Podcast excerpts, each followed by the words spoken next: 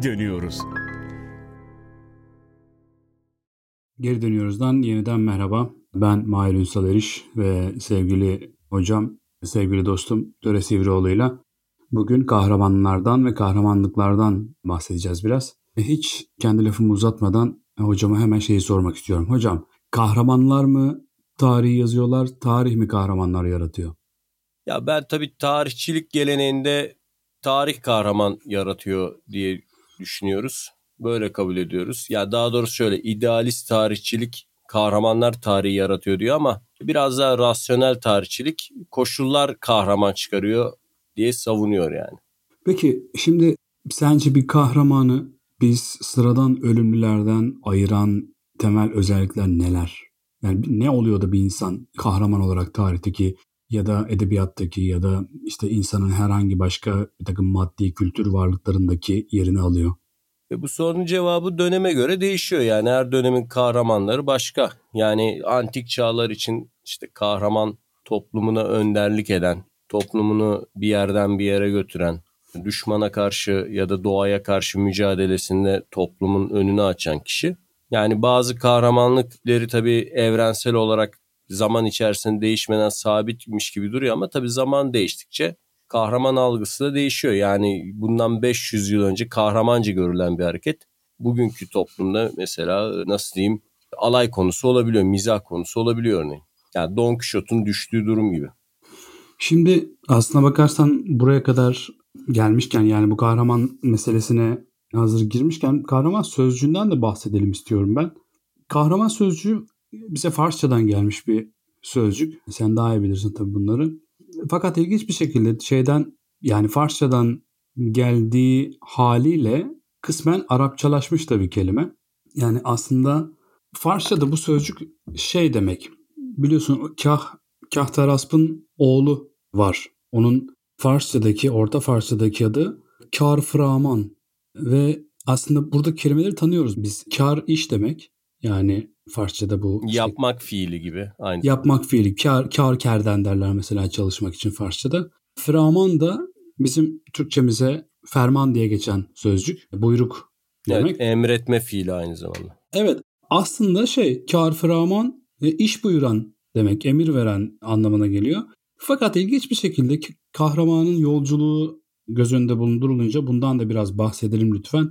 Herhalde kahramana böyle bir şey yakıştırılmış buradaki kar Farsçada iş anlamına gelen kar sözcüğünün yerini Arapçadaki kahr sözcüğü almış ve oradaki feraman da şey olmuş aman olmuş. O da amaden yani hazır olmak hazırlanmak gibi. Orada kah raman yani her türlü kahra her türlü belaya güçlüğe hazır anlamına gelmiş kahraman ama aslına bakarsan söylediğim gibi e, Kahtarasp'ın oğlu Karferaman'dan bir özel isimden dönüşüp e, Türkçe'ye gelmiş bir sözcük bu. Tabi İran dünyası yani o işte Pers dünyası kahramanlarla, kahraman hikayeleriyle dolu ama ben İran'a gitmeden önce biraz daha bize yakın yani bizim doğduğumuz yerlere yakın bir coğrafyaya bakalım istiyorum.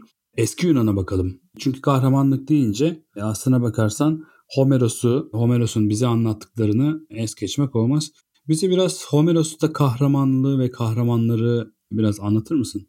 Ya bu Homeros işte İzmir bölgesi yani Yunanlıların o dönem İonya dedikleri ve Aiol dedikleri bölge arasında doğduğu düşünülüyor. Yani bunu işte arkeolojide ve eski çağ tarihçiliğinde dil bilimi tartışılır tabii. Yani Homeros diye biri var mı? Gerçekten yaşadı mı? Ya da bir kişi miydi? Birçok Homeros Homerik şairler derler zaten.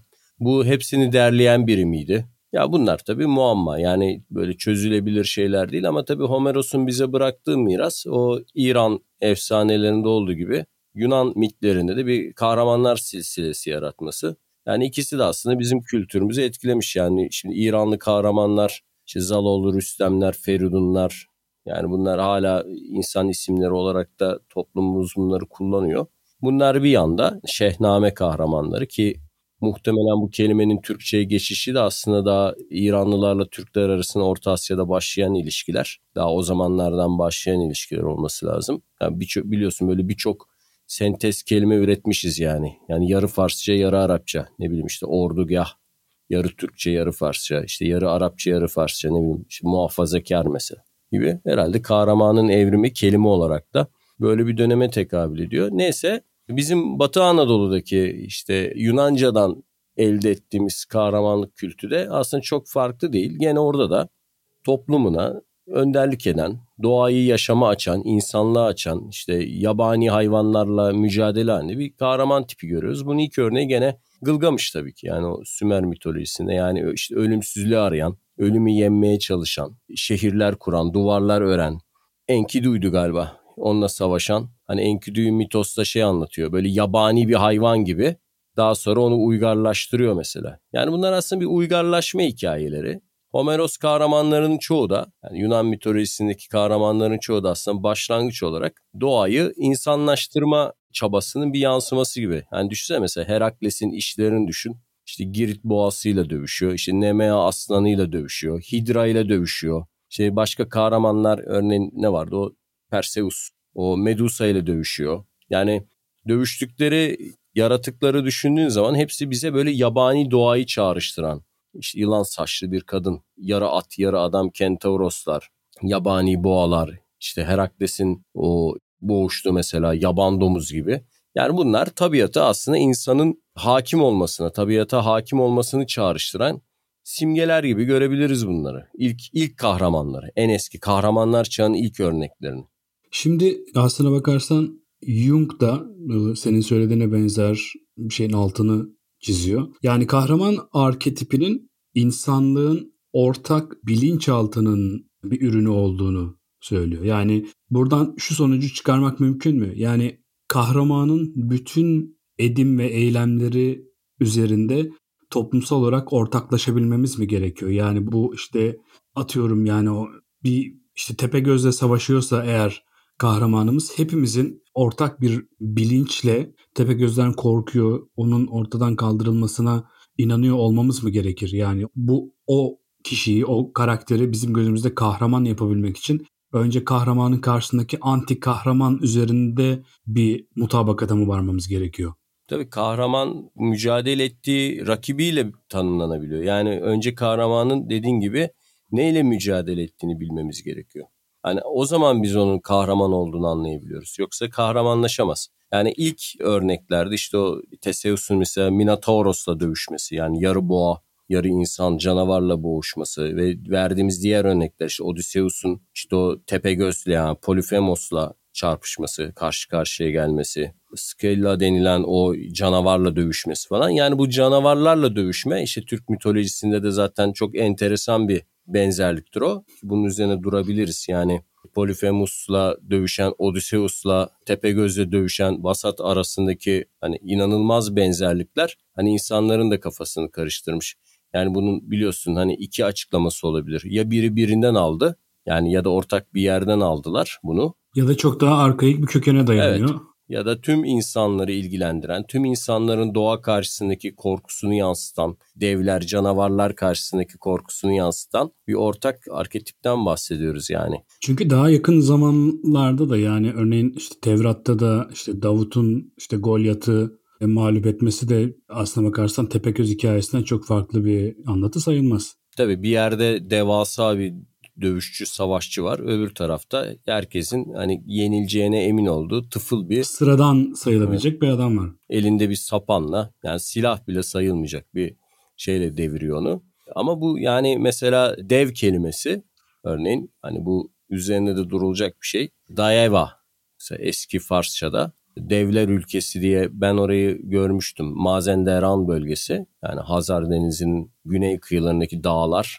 İran'ın Karadenizi. Tabii Elbruz Dağları bölgesi falan. Yani bu dev hikayelerinin dev zaten Farsçadan biliyorsun yani bizim dilimize geçmiş bir şey. Aslında sen mi söylemiştin aynı zamanda Tanrı sözcüğüyle de. Hocam şimdi şöyle şöyle bir makale okumuştum ben.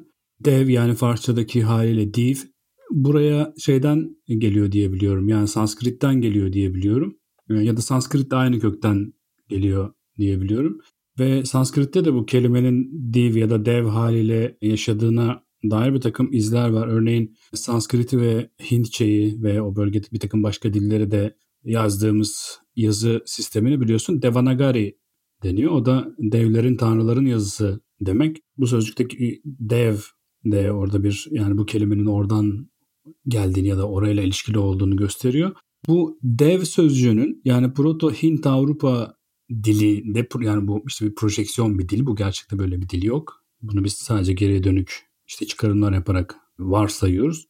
Proto Avrupa'da dev, devs, dus gibi bir takım kökenlere dayanıyor olabileceğini öneriyor bilim insanları. Ve bu dev sözcüğünün ya da devs sözcüğünün Yunanca, eski Yunanca Zeus olarak geçtiğini yani Zeus'un adının da buradan kaynaklanan hatta Latince'deki Deus yani Tanrı sözcüğünün de buradan kaynaklanıyor olabileceğini öneriyorlar.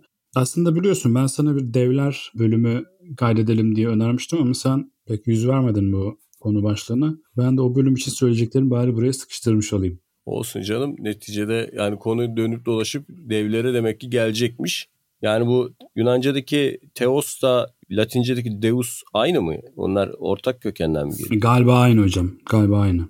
Yani neticede ilk tanrıların çoğu da dev ya da devasa. Hani kelimenin başka bir Farsi versiyonuyla. Hocam çok küçük bir parantez açayım. Sadece ilk tanrıların değil, örneğin Kitab-ı Mukaddes'teki anlatıya baktığımız zaman tekvinde bu o işte avot denen o ataların hemen hepsi de dev gibiler yani işte öleyin işte Adem'in boyu şu kadar arşındı işte Hoşeya'nın boyu bu şimdi kadar ben, onlar evler yani. Senle konuşurken kendi dedemden falan dinlediğim hikayeleri hatırlıyorum. Ya yani onlar böyle oku okuma geleneğinden değil sözlü geleneği tabii yansıtıyorlardı.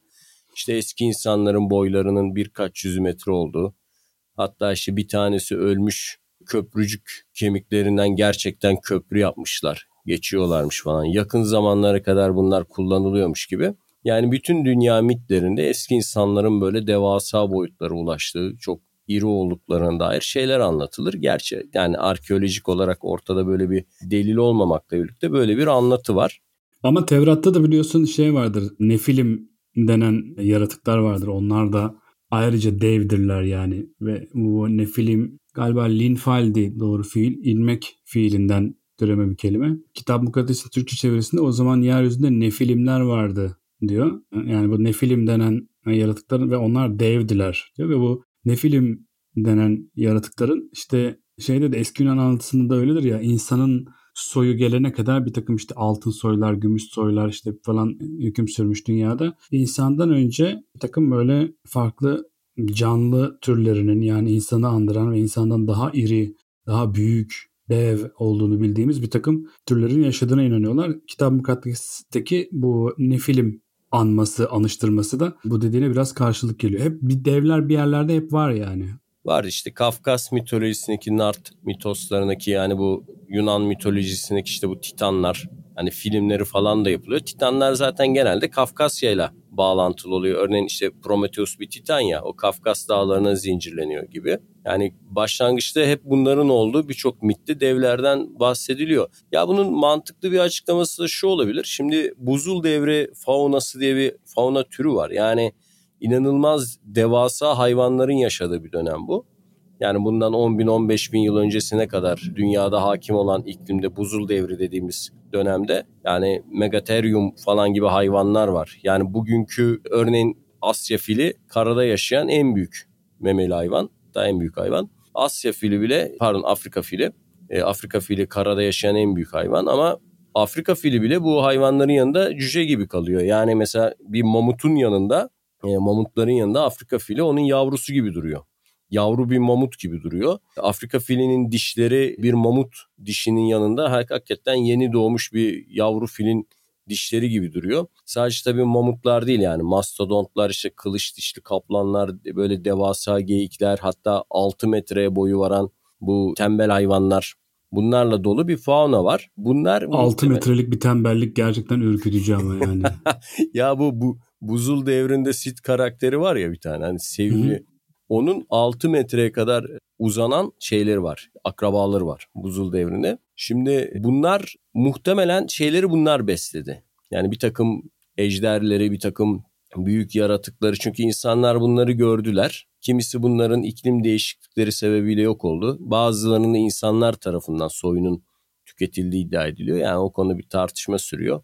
Örneğin bir mamut kafatasını gördüğün zaman yani o mamut kafatasını burnun boşluğunu hakikaten bir insan kafatasındaki tek göz, tepe göz gibi gözüküyor. Yani bizi hmm. dinleyenler şeye bakabilirler işte internetten mamut kafataslarını inceleyebilirler. Hakikaten yani insan hayal dünyasında öyle bir şeyle karşılaştı ki bunları her yerde görüyorlar neticede insanlar. Yani mamut kafatasları her mağarada, her avcılık bölgesinde rastlanılan şeyler.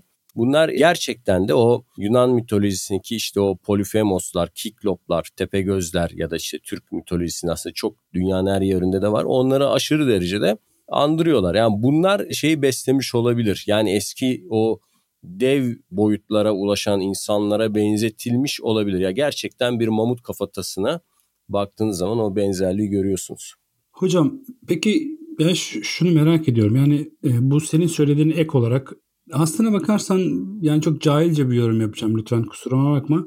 Şimdi bu insanların ortak hafızasında, ortak belleğinde sürekli bir kendisinden daha büyük, daha iri, daha kuvvetli bir kötücül karakteri alt etme imgesi var ya yani bu işte atıyorum Japon mitolojisinde de böyle şeyler var. Çin'de de var. işte yakın doğuda da var. işte bilemiyorum belki de işte o Aztek Maya İnka dünyasında da var. Hep bir devi alt etme, hep bir devi mağlup etme hikayesi var. Acaba diyorum insanların yani bizim kendi türümüzü kastederek insan diyorum. İnsanların Neandertallerle bir arada yaşadıkları çağdan kalma bir takım kavgaların, çatışmaların, karşılaşmaların anıları da acaba dilden dile aktarılarak buna dönüşmüş olabilir mi? Yani sonuçta Neandertallerin yeryüzünden silinmesi insanlık tarihi açısından düşününce çok uzak bir geçmişte değil aslında. İnsanlığın yakın geçmişinde bile sayılabilir. Ee, yani bu anlatılar zaman içerisinde döne dolaşa döne dolaşa acaba bu bizim bildiğimiz dev anlatılarına evrilmiş olabilirler mi?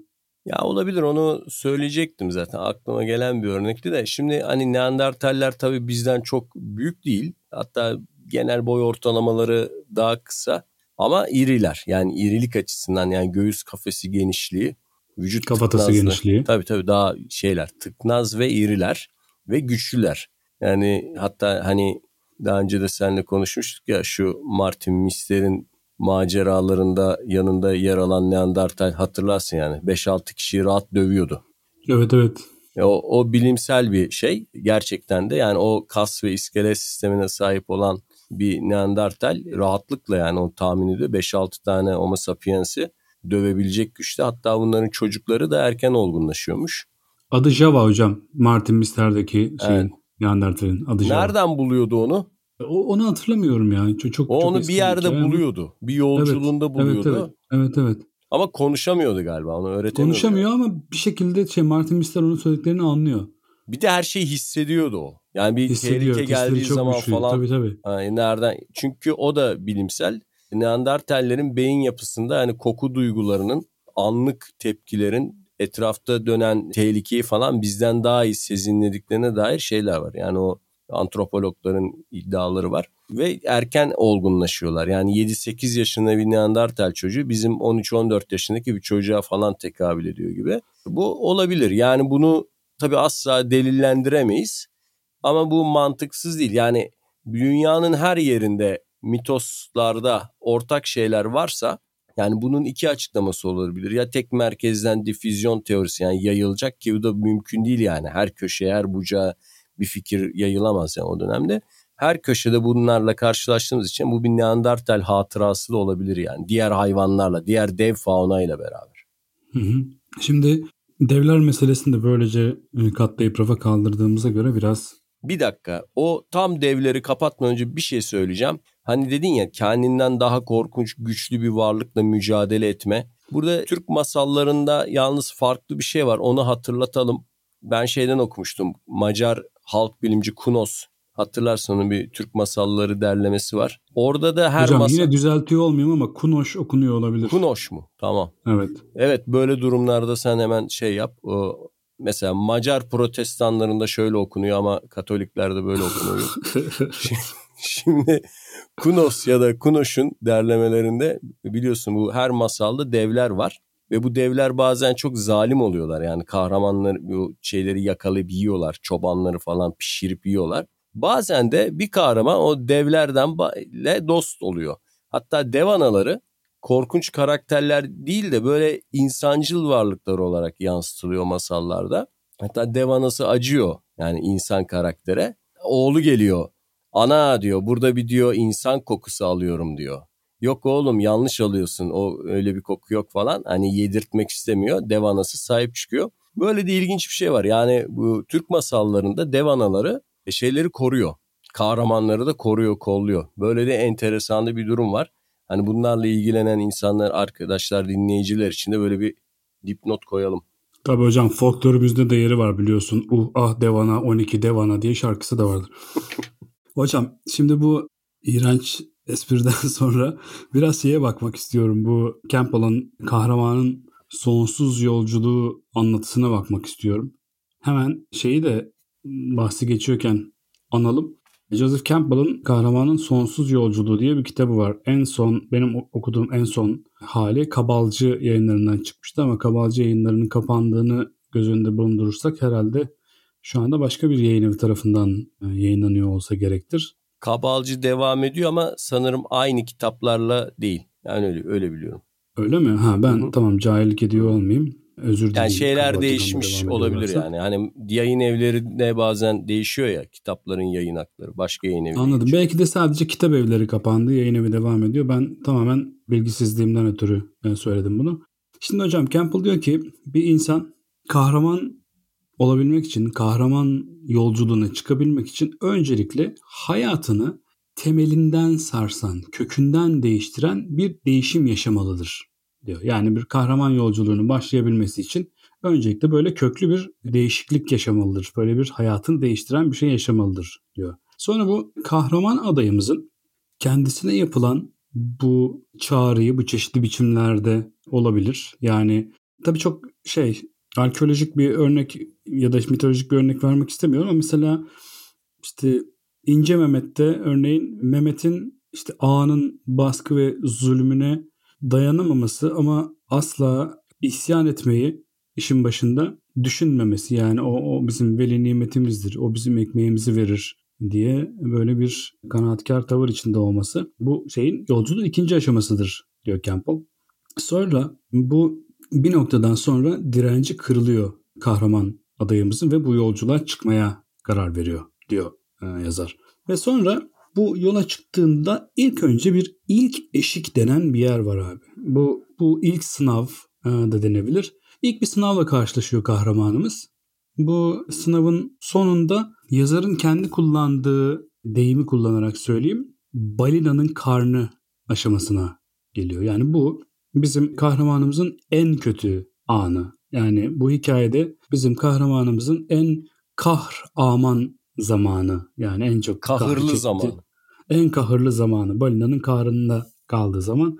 Yani balinanın karnı tabii bir şey analoji olarak söylenmiş. E, genel olarak şeyi kastediyor. Yani o kahramanın o yolculuk içerisindeki en mihnetli, en sıkıntılı, en kahırlı anı. Ve bu aynı zamanda kahramanın bir dönüşüm anı. Çünkü bu aşamayı atlatırsa artık kahraman yeni bir benliğe kavuşmayı kabul etmiş. Bu oluyor. ilkel kabilelerde erginlenme törenleri var biliyorsun yani erkekliğe geçiş, hı hı, hı. o delikanlılığa geçiş, işte çeşitli bedensel işkenceler, susuz bırakmalar ya da hı hı. bir işte ormana çöle bırakılıp işte 10 gün 20 gün neyse orada hayatta kalma. Tabi dini şeylerde de var bu antik çağdan günümüze bir takım dini toplulukların benzer sıkıntıları katlanarak bir üst aşamaya geçme, sabır sebat gösterme şeyleri gibi evet.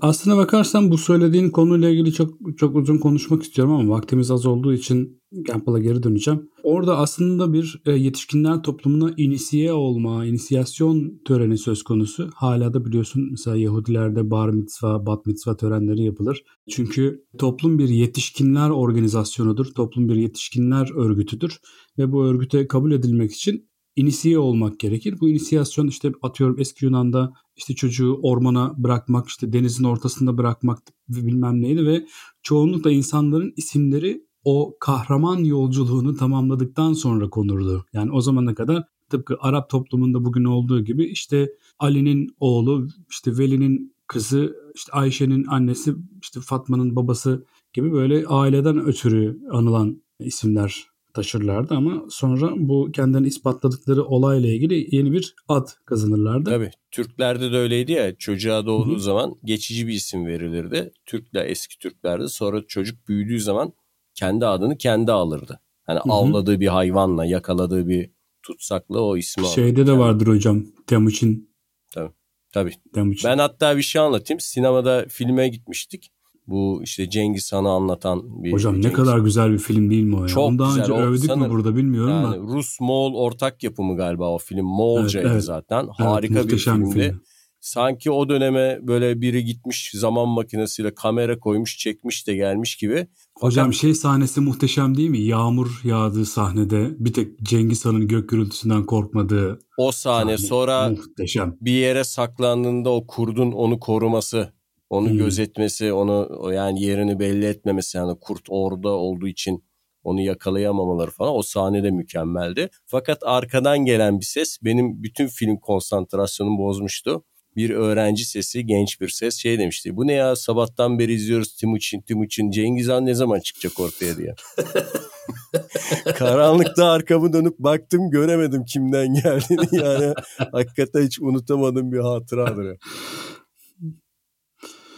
Hocam kahramanımız balinanın karnından çıktıktan sonra artık önünde bir imtihanlar yolu açılıyor. Bu imtihanlar yolunda kahramanın dönüşmesine yol açacak bir dizi görev ve zorluk sıraya dizilir kahramanın önünde.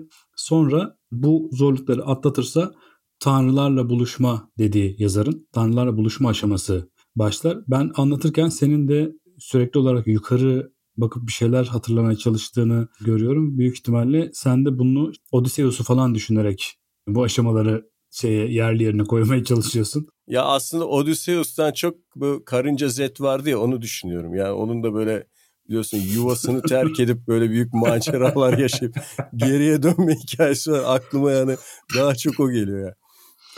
Anlıyorum hocam. Yani bu tanrılarla buluşma aşamasında zorluklar atası tanrılarla buluşma dediğimiz kısım başlıyor. Tanrı veya işte bilmiyorum oradaki koşula göre tanrılar ya da işte ulu kişiler, kimseler yani orada kader belirleyebilecek güçte kişi ya da kimseler kahramanın kendisiyle barışmasına imkan veriyor bu aşamada kendisiyle dediğim kendi kendisiyle yani. Tanrı'yla değil kendi kendisiyle barışıp yani ben bu yola çıktım Allah'ım ne yaptım ben işte başıma iş aldım bilmem ne falan filan e, kısımlarını geçip artık ya tamam yani işte artık bir yola girdik ve bu yoldan kahraman olmadan çıkmak yok aşamasına geldiği yer. Sonra şimdi Joseph Campbell bu aşamaya baştan çıkarıcı kadın aşaması demiş ama bu eserin açıkçası politik doğruculuğun icadından biraz önce yazıldığı için bunu söyleyebilecek cüreti göstermiş herhalde. Şimdi olsa herhalde koyamazdı kitabına böyle bir şeyi. Kahramanı yolundan döndüren yani ya bırak bu işleri gel burada işte tatlı tatlı eğleşelim söyleşelim diyen başka bir kötücül çeldirici. karakterin, çeldirici bir karakterin karşısına çıkması gerekiyor. Bu biraz şey gibi. Türk filmlerinde armatör babanın bizim esas oğlanı çağırıp böyle sana şu kadar para vereyim kızımı bırak demesi gibi. Yani illa baştan çıkarıcı bir kadın olmasına gerek yok. Campbell biraz e, yürek yemiş buna özellikle kadın diye simgelerken. O işte antik çağda genelde kadınla simgeleştirildiği için hikayeler o daha klasik mitolojiden yola çıkarak böyle yapmış. Evet, Çünkü bence yani, sen de sen de çok sahip çıkma şimdi Campbell'a. Senin de başın yanmasın. Odysseus'u çünkü hani o kendi yolculuğunu hani baştan çıkartıcı o sirenler örneğin. Hı hı. Sirenlerin şarkıları bir geçti sınav o. Sonra Neydi işte hocam? Ki, Kalipso muydu? Kalipso ve işte Kalipso ile olan aşkı Hı-hı. yani Kirke gibi bunlar hani bunlar onun sınavlarıydı ve bu sınavlardan e, pürüzsüz bir şekilde olmasa da işte başarıyla çıkmıştı yani bu çeldiricilerden. Yani şiddete dayalı bir sadece canavarlarla değil yani böyle dışarıdan Hı-hı. saldırı Hı-hı. şeklinde sınavlarla değil kendi içinden ona seslenen çeldiricilerle de mücadele ederek vatanına evet, dönebiliyor. İnsan yanıyla yani işte bir takım hazlarla, mutluluklarla, konforla onu kandırmaya çalışan bir iç sese teslim olup olmama imtihanı denebilir aslında. Bu aşamayı da atlatırsa babayla karşılaşma dediği aşama başlıyor yazarın.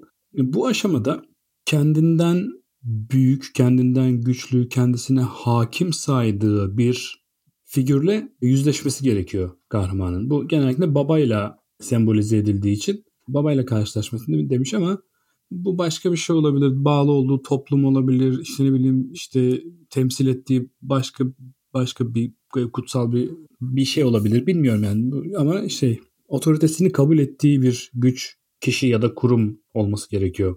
Bunu da atlatırsa zirve noktası dediğimiz noktaya ulaşıyor kahramanımız ve artık kahraman dediğimiz kişi tanrısal özellikler edinmiş oluyor bu aşamadan sonra. Yani o artık yolculuğa başladığı insan değil. O artık başka biri. O artık tanrısal vasıflar kazanmış bir, bir yolcu. Sonra son lütuf diyor bu kısma Campbell ve burada yolculuğun misyonu, yolculuğun görevi tamamlanmış oluyor.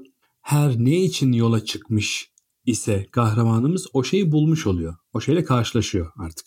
Ve bundan sonra kahraman geri dönmeyi reddediyor. Çünkü artık başlangıç noktasına dönmesinin imkansız olduğunu biliyor. Yani hiçbir şekilde oraya dönse bile artık aynı insan olamayacağını biliyor. Bunu kabul ediyor. Ve sonra ulaştığı şeyden kaçmak durumunda kalabiliyor. Ve sonunda bir dönüş yolculuğuna kalkışabiliyor. Bu dönüş yolculuğu bazen geliş yolculuğundan daha tehlikeli olabiliyor tabii. Sonra kahramanımız bir kurtulma dediğimiz başka bir aşamaya giriyor. Eğer yaralanmışsa, ne bileyim işte başına başka bir şey gelmişse e, birilerinin bir şeylerin desteğine ihtiyaç duyabiliyor ve ve dönüş eşiğine geliyor. Bu artık 15. aşaması. Kahramanımız yola çıktığında olduğu kişi değil artık. Artık başka birine dönüştü. Artık başka biri. Fakat geri dönüşte yani eve dönüp bu İskender'in e, en sonunda ne olacak? E sonunda eve dönüp oturacağım. E, o zaman bu kadar kahrı çekmeye ne gerek var? Diyaloğu gibi. Geri dönüş yolunda kahramanın yolda kazandığı bilgeliği, yolda kazandığı vasıfları, kahramanlık evsafını yitirmemesi gerekiyor. Yani bu da kahramanın yolculuğunun önemli parçalarından biri. Sonra artık kahramanın iki dünyanın arasında yani hem maddi hem de ruhani dünya arasında bir denge kurması gerekiyor kahramanın yolculuğunun tamamlanması için. Ve nihayetinde kahraman ulaştığı bilgelik sayesinde ölüm korkusundan kurtuluyor. Yani bu da aslında ölümsüzlük dediğimiz şey. Ölümsüzlük hiç ölmemek değil, ölmek korkusundan kurtulmaktır zaten. Aslına bakarsan ve artık dönüşünde e, yaşama özgürlüğüne, özgür bir hayata sahip olur ve artık ne geçmişinden pişmanlık duyar, ne geleceğe ümit bağlar. Artık o kahramandır, o artık kahraman vasfı kazanmıştır diyor Joseph Campbell kahramanın sonsuz yolculuğu isimli eserinde ve ekliyor. Diyor ki dünyada sadece bir tane hikaye vardır. O da kahramanın sonsuz yolculuğunun sonsuz kere tekrarlanmasıyla oluşmuş hikayedir diyor. Sen ne diyorsun bu konuyla ilgili beni 20 dakikadır konuştuktan sonra?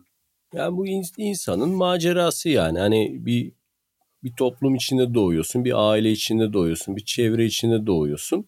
İşte bazen onun içinde e, hiç bir kendine yabancılaşma duygusu hissetmeden yaşayıp gidiyorsun. Yani zaten ondan kahraman çıkmıyor. Kahraman çıkabilmesi için içinde bulunduğu şartları ve toplumu, koşulları kabul etmemesi, başka bir arayış içine girmesi gerekiyor. Yani dışarıda ne var? Başka acaba ne alternatifler var diye bakması gerekiyor. Bu kendini bulabilmesinin tek yolu. Çünkü hani Gazali ne diyor? İşte o Elmin Kızı Mini Dalal diye kitabında e, Müslümanın çocuğu Müslüman oluyor diyor. Hristiyanın çocuğu Hristiyan oluyor diyor. Yahudinin çocuğu Yahudi oluyordu. Ya bu nasıl bir benlik diyor yani. Hani burada diyor gerçek bir benlik oluşamaz diyor. Çünkü yani sana ne olman gerektiğini söyleyen bir çevre içinde doğup büyüdüğün için onun tarafından şekillendirildiğin zaman zaten kendini de aslında bulamamış oluyorsun. Kendini bulabilmen için o çerçevenin dışına çıkman gerekiyor. Bu maceraları göze alman gerekiyor. İster bunu babaya karşı geliş olarak e, kabul edelim. Yani psikanalistlerin düşündüğü gibi. İstersek hani mevcut kültüre bir karşı koyuş, ister işte kuşaklar çatışması ya da başka bir kültür formuna geçiş, ilerleme düşüncesi diye bunu düşünelim. Bu her zaman yani Campbell'ın dediği gibi evrensel olabilecek bir şey. Kahraman olmak istiyorsa tabii. Ama bunu olduğu gibi de kabul de edebilir. Yani şeyi hatırlarsın işte küçük karabalık hikayesi. Behrengi'nin hani hı hı. ölümsüz çocuk öyküsü. Orada balıkların çoğu şeyi kabul ediyor. Doğdukları derede yaşamayı. Ama o ne diyor? Ben bu derede yaşayamam diyor. Bu dere bana yetmiyor. Deniz diye bir yer varmış. Denize çıkacağım ben diyor. Ve yol boyunca da işte senin demin anlattığın o aşamaların hepsini geçerek mücadele vererek oraya doğru ulaşıyor. Ama o geri dönüyor mu dönemiyor mu onu bilmiyoruz. Yani tekrar orada bazı kahramanlar tanrılara katılıyor işte Herakles gibi. Tanrılar arasına katılıyorlar. Onun amacı o. Ama burada tabii Campbell'ın sistematiğine en uygun olan tabii Odysseus. Yani onun Hı-hı. öyküsü. O işte kendi içsel ve dışsal yolculuğunu tamamlayıp tekrar ülkesine dönüyor. Tabii başka biri olarak. O kadar başka biri olarak dönüyor ki zaten tanıyamıyorlar onu. Hı, karısı bu, tanımıyor. Evet ya bir tek köpeği tanıyor. Hı hı. Yani ihtiyar köpeği tanıyor. Yani insanlar tanımıyor onu. İşte öykü boyunca da işte dediğin gibi Poseidon'la. Onun en büyük kavgası o yani denizler tanrısı Poseidon'la. Yani ona yenilmemek için aslında insanın yani doğaya, denize, kendisini aşan güçleri olan meydan okuması gibi. İşte bütün tabii tabii çok için. benzer hikayeleri Halikarnas balıkçısı da bayağı gündelik balıkçılar yani böyle arasında falan anlatıyor yani hani. O, bu yüzden o, o, o makro ölçekte değil ama evet. Tabii bu yüzden ölümsüz. Bu yüzden işte Hollywood da uyarlayabiliyor aynı şeyi. İşte edebiyat da Hı-hı. uyarlayabiliyor. Aslında sistem olarak standart bir şey oluşmuş gibi ve yani bundan sonra da yüzlerce binlerce yılda geçse işte Odysseus'un bu anlamdaki yolculuğu temel ölçüt olarak kalacak diyebiliriz yani buna. Hocam keşke yani daha gençlik yaşlarımızda eski Yunanca öğrenip bu eserleri şöyle kaynağından işte primer kaynaklardan kendi keyfimize göre okuma şansımız olsaydı. Ama elimizden tutmadılar diyebilir miyiz? Ya elbette yani aslında bir dönem 40'lı yıllarda bunu biliyorsun hümanizm döneminde denemişler. Yani liselere Yunanca, Latince dersler koymuşlar bu. Herkesin Hasan Ali Yücel diye okuduğu ama bizim burada Hasan Ali Yücel diye okunması gerektiği konusu uyarmamız gereken o efsanevi e, Milli Eğitim Bakanı. Da gerçi o zaman marif vekaleti falandır herhalde adı o dönemlerde ama işte bize ne bunlardan gibi sonra gelişen tepkiler nedeniyle bu Yunanca, Latince dersler şeyden kaldırılıyor ve sadece işte üniversitelerde o da öğrencilerin pek seçmek istemediği, arkadan dolaşarak vermek istedikleri derslere dönüşmüş durumdalar. E güzel olurdu tabii yani orta öğretimlerde de bunlar okutulsa ya ama işte bu yani denenmiş ve Türkiye'de ne yazık ki tutmamış bir proje. Yok aslında ben sen ve ben üzerinde söylemiştim yani bu, bu işlere merakı olan iki genç. İşte kitapları nereden keşke... bulacaktın? O zaman internet ortamı olmadığı tabii, tabii. için tabii, tabii. basılı kitaplar gerçi, gerçi ben biraz şey yapmış olabilirim yani ben sonuçta bu işin menbaında üniversite okudum yani dil tarihte Latincesi de Yunancası da eski Yunancası da yani hep böyle bu konuda kaynak deyince bile başvurulan isimlerin ders verdiği bölümlerdi. Ama ben maalesef gençliğime mağlup olarak Latince ve eski Yunanca öğrenme konusunda biraz tembel davrandım. Gerçi Latince aldım. Yani İlber Hoca'dan birkaç ders Latince almıştım gençlik yıllarımda. Ya büyük bir eksiklik aslında yani. Hani bunların bizde ya da başkalarında olmaması, yani tam olarak yerleşmemesi, kaynaklardan kendisinden okuyamamak e, büyük bir eksiklik tabii ki. Yani tabii o metinleri okuduğum zaman hani neden bahsettiğini falan anlıyoruz ama o başka bir şey tabii. Yani tam olarak okuyup karşılaştırabilecek kadar bilmememiz ama biraz da bu da bizim dönemimizin bir sonucu yani. Hani bizim de kendi kahramanlık işte ne o demin anlattığımız macera içinden şeyden çıkamamamız. içinde bulunduğumuz ortamı tam Balinanın olarak karnında. yani tam olarak reddedemememizden kaynaklı. Çünkü yani o o çok meşakkatli bir şey olduğundan sen de bir noktaya kadar reddedebiliyorsun ki sana sürekli o çeldiriciler sakın dışarı çıkma çemberin diye telkinde bulunup duruyorlar. O yüzden hatta bunu eğitim hocalar bile yapıyor bunu. Yani ne yapacaksınız bunları? Ne işinize yarayacak? Hani İlber Hoca bile sana demiş ya ne yapacağım Farsça öğren. Evet evet Arapça öğren her yerde öğrenirsin. Yani şöyle bir şey e, bir de tabii bizim içinde bulunduğumuz politik ortamlar da bazı şeyleri öğrenmekten bizi epey bir zaman alıkoydu yani. Mesela Osmanlıca öğrenmeyi bile neredeyse gizli gizli başardık denebilir yani. Saklaya ne yapıyorsunuz saklaya. lan siz bunları okuyarak anne? ya genelde onları öğrenenler fikir olarak değişim metamorfozu uğradığı için insanlar da telaşlanmakta haklı. İnsanlar şey alışık değiller. Yani hem bunları öğreniyor hem de fikirlerini koruyor falan. Öyle kişiler çok az olduğu için onu bir geçiş aşaması olarak düşünüyorlardı yani. Elinde Arapça yazan bir şeyler görünce sen de mi falan bakışları başlıyor. Yani ben böyle e, pratik yapardım hep televizyon karşısında falan işte televizyonda her duyduğumu yazardım eski yazıyla. işte mesela televizyonda ne duyarsın Mehmet Ali Erbil işte Çiğdem Tunç bilmem ne evet. falan. Yani böyle şey işte kağıtlara hep bunları yazardım. Annem de ya ne olur ne olmaz falan deyip böyle belden yukarı falan bir yerlere kaldırırdı yazdıklarım. Dua muva yazdıysam çarpılmayalım yok yere diye. Yani bizde öyle Mehmet Ali Erbil falan çok omuzlarda taşınmıştır evde. yani işte o öyle bir dönemdi. Hani bu Neil Armstrong hani ezan sesi duyunca ayda Müslüman oluyor. Kaptan Kusto işte falan filan. Yani bu e, şey olarak görülüyordu. Yani elinde eğer böyle bir takım kağıtlar, yazılar, çiziler varsa ya bunu da kaybettik falan gibi bakış açısı vardı. İkisinin bir arada yürüyebileceğini düşünemiyordu insanlar. Hocam verimli bir bölüm oldu. Yine bizi aydınlattın. Birkaç bölümdür sanırım dünya tarihinin gördüğü en kıymetli, en e, heyecan verici liderlerden Nikolay Çavuşescu'yu anmıyoruz sanırım. E, bu bölümümüzü de Çavuşescu'yu anarak bitirelim istiyorum. Sen ne dersin? Evet ben de bayağıdır bu adam neden Çavuşescu'yu anmadı diye telaşlanmıştım. Unuttu mu acaba diye. Biz de bu bölümü kendisine e, yüce hatırasına selam göndererek e, kapatalım o zaman. Evet hocam görüşmek üzere. Çavuşescu'ya ve sarayına selam olsun. Bir sonraki bölümde yeniden görüşmek üzere. Teşekkür ederiz herkese.